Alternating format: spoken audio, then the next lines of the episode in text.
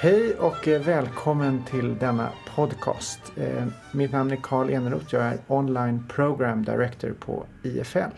Och med mig i studion har jag Fredrik Lidman. Tjena Fredrik! Tjenare!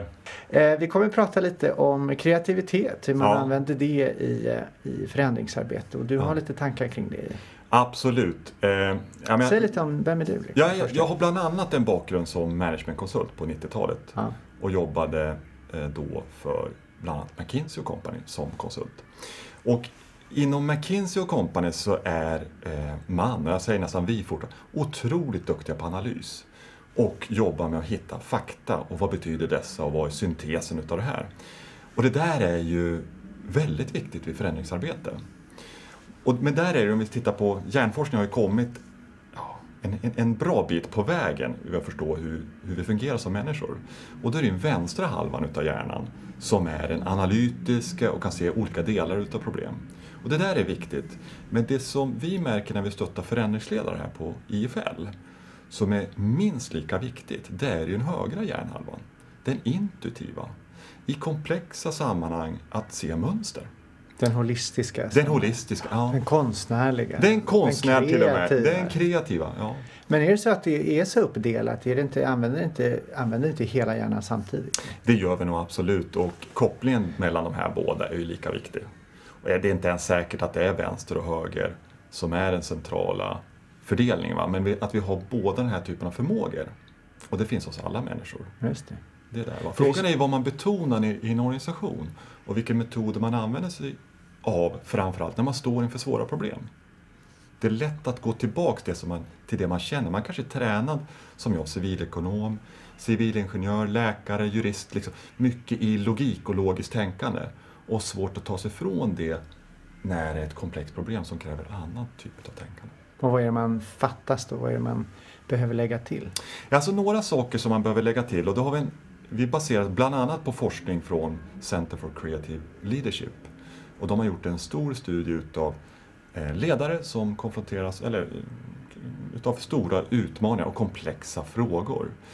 Eh, och det som visar sig viktigt, bortom det analytiska, som är en central del, det är ju vissa kreativa kompetenser som vi kallar dem, eller de kallar det. Och en utav dem och det är nog det mest centrala som måste börja det är att uppmärksamma saker. Uppmärksamma, det låter lite Eller hur? banalt. Det låter helt banalt. Ja. Såklart man uppmärksammar. Men så enkelt är det inte. Om vi alla tänker oss kring hur stress, och ofta i en komplex fråga så är det väldigt svårt att ha koll på läget.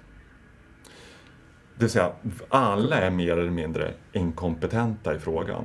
Och då är det lätt att ta sig tillbaks till när man är stressad och pressad och känner sig inte riktigt man känner sig inkompetent i frågan, så är det lätt att man tar sig till enkla lösningar. Man tar sig till de lösningar man själv har använt tidigare, eller annan har använt tidigare. Man börjar leta efter fakta när det inte alltid finns fakta. Jämfört med att okej, okay, det här är jättestressande och pressande, men nu behöver vi sakta ner här faktiskt, samtidigt som vi behöver åstadkomma handling. Och börja uppmärksamma, vad är det egentligen som händer här? Så ge sig tid att reflektera? Eller? Ja, ge sig tid att reflektera. Och inte minst för det, observera. Vad är det egentligen som pågår? Om jag tar mig bortom min stress och press kring den här frågan. Vad är det egentligen som pågår? Och inte bara att man själv gör det, utan få med sig det gäng som man förhoppningsvis har med sig då i en större förändringsutmaning. Jaha, det där låter spännande. Att bara titta på... Ja, och då är det ju, och det vi verkligen stöttar i, i våra program då som, som jobbar med förändringsmål, det vi verkligen stöttar deltagarna det är till exempel att intervjua, djupintervjua intressenterna runt en utmaning. Så man verkligen förstår vad är deras agendor och hur kan de stötta mig och mitt team i den här utmaningen. Och är exempel på att ta sig tid och verkligen på djupet förstå några av huvudintressenterna runt omkring. Så första delen i kreativitet är att verkligen fokusera på uppgiften men inte detaljstyrt utan titta mer på ett större perspektiv? Ja, men det är faktiskt också att se detaljer, så det är både och. Det är att uppmärksamma även detaljer. Eh, för genom att man kör på ett högt tempo så har man svårt att uppfatta detaljer. Så här behöver det sakta ner för att kunna uppfatta helhetsbild. Och det är som sagt inte bara du utan även folk runt omkring dig. För att förstå och ta in, vad är det som egentligen pågår? Så när vi har klarat med det, då, då är vi färdiga eller? Nej, tänk om det vore så enkelt, men det är en viktig del och det här behöver man ju göra då och då. Alltså ständigt hålla sig för vågen och då och då behöver man verkligen bromsa upp när det är svårt för att se vad är det som faktiskt pågår. Eh, en annan fråga som är viktig och speciellt, alltså de här komplexa förändringsutmaningarna, de pågår ju över lång tid vanligtvis, de som vi stöter på som deltar. Det är månader och ibland år som en utmaning ska bemästras. Stort, större förändringsprojekt till exempel. En viktig komponent också för att få ut ytterligare aktivitet, det är att se till mitt liv faktiskt, och jag som person. Vad, vad har det här med mig att göra, att jag jobbar med just den här utmaningen och den här frågan? Varför hamnar jag här? Ja, varför hamnar jag här? Vad är det större? Alltså, vi stöttar individer också att göra sina livslinjer. Alltså, gör linjer. Hur, hur har ditt liv varit? Medgångar och motgångar och vad har du lärt dig i livet? För ur det så går det att finna källa till inspiration och kreativitet. Vad kan jag ta med mig från mina erfarenheter, den är som person, va? in i den här problematiken. Och kan du få folk runt omkring dig också få mer en känsla av att det är jag som är här som hela min person. Så blir vi ytterligare kreativa och kan finna ibland lösningar, metaforer utifrån våra tidigare erfarenheter jämfört med bara gå in som specialister på någon sorts fråga. Har du någon exempel på när det skett? Alltså jag kan bara se själv att jag, det jag började med i min karriär var som yrkesofficer. Och i svåra lägen så kom jag tillbaks till, ja det var bara några år sedan jag jobbade som yrkesofficer, svåra lägen jag var med om där. Och hur hanterar jag dem ute i skogen? Så det är liksom en ständig, nej inte ständig, men ofta i svåra lägen, en källa till inspiration för mig. Kunna ta dig ur dem? Ja, ta dig ur någonting. Hur, gjorde, hur kan man göra här? Mm, mm. Okej, okay, så att det, man uppmärksammar, man kopplar till sig själv och sen är det klart, eller? Nej, det är inte klart. Men en, det finns ett antal andra kompetenser. Men jag tänker att vi kan nämna här, Eh, det är ju att använda sig av bildspråk. Komplexa frågor, svåra att beskriva bara med en powerpoint-bild och en analytisk graf. Eh, utan också, vad påminner den här situationen om? Till exempel i programmet så använder vi utav ja, 200-300 bilder som vi lägger ut i ett rum. Deltagarna får välja att ja, men beskriv din utmaning. Beskriv nuläget i din utmaning och väljer upp din tre bilder. Och programmet du pratar om är ja, Edge, eller? det är Edge-programmet, ja mm. precis. Eh, och även, kan vara i samma läge, ibland ett senare läge, får beskriva.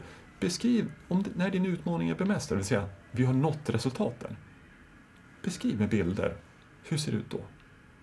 Så, så när orden tar slut så kan bilderna ta vid? Eller? Ja, absolut. Mm. Eh, och bilder, jag menar, en bild kan säga mer än tusen ord och det gäller verkligen. Och jag har använt personligen bilder på nästan tusentals deltagare nu och vi alla har förmågan till bildspråk. Även sådana som jag som borde haft tvåa i teckning men hade trea för att jag var ganska snäll då. då. Därför att vi har det i oss. Det är att vi använder oss inte så ofta utav det i organisationer för det kanske är lite pinsamt. Då. Och det är inte vad vi tränar, vi känner oss lite obekväma med det. Men vågar man använda sig av det så funkar det absolut. Och folk som kan inte komma överens genom när de pratar ihop kan komma överens när de visar sina bilder för varandra och ger förklaringar till varför de har använt en specifik bild. Bildspråk dessutom talar till den intuitiva delen av oss och inte till den analytiska. Så det är en helt annan ingång. Så då kan man stärka upp det ja. på ett sätt? Det andra som, jag menar storytelling har ju, är ju stort pratas mycket om. Ja, det är en del av det här att berätta en historia om det här förbättringsprojektet och vad, hur det kopplar till mig hur det kopplar till vår organisation och vad vi ska göra. Vad spännande. Ja. Här finns ju massa saker att arbeta med just för, i ett förändringsarbete ja. som är ständigt pågående antar jag. Men eh, vi får nog eh, sätta stopp där på vår eh, intervju. Och eh, tacka så mycket Fredrik för att du kom. Och eh, vill ni veta mer om Edge-programmet så eh, titta in på vår hemsida www.ifl.se Tack så mycket. Tack så hemskt mycket. Tack för att du kom Fredrik.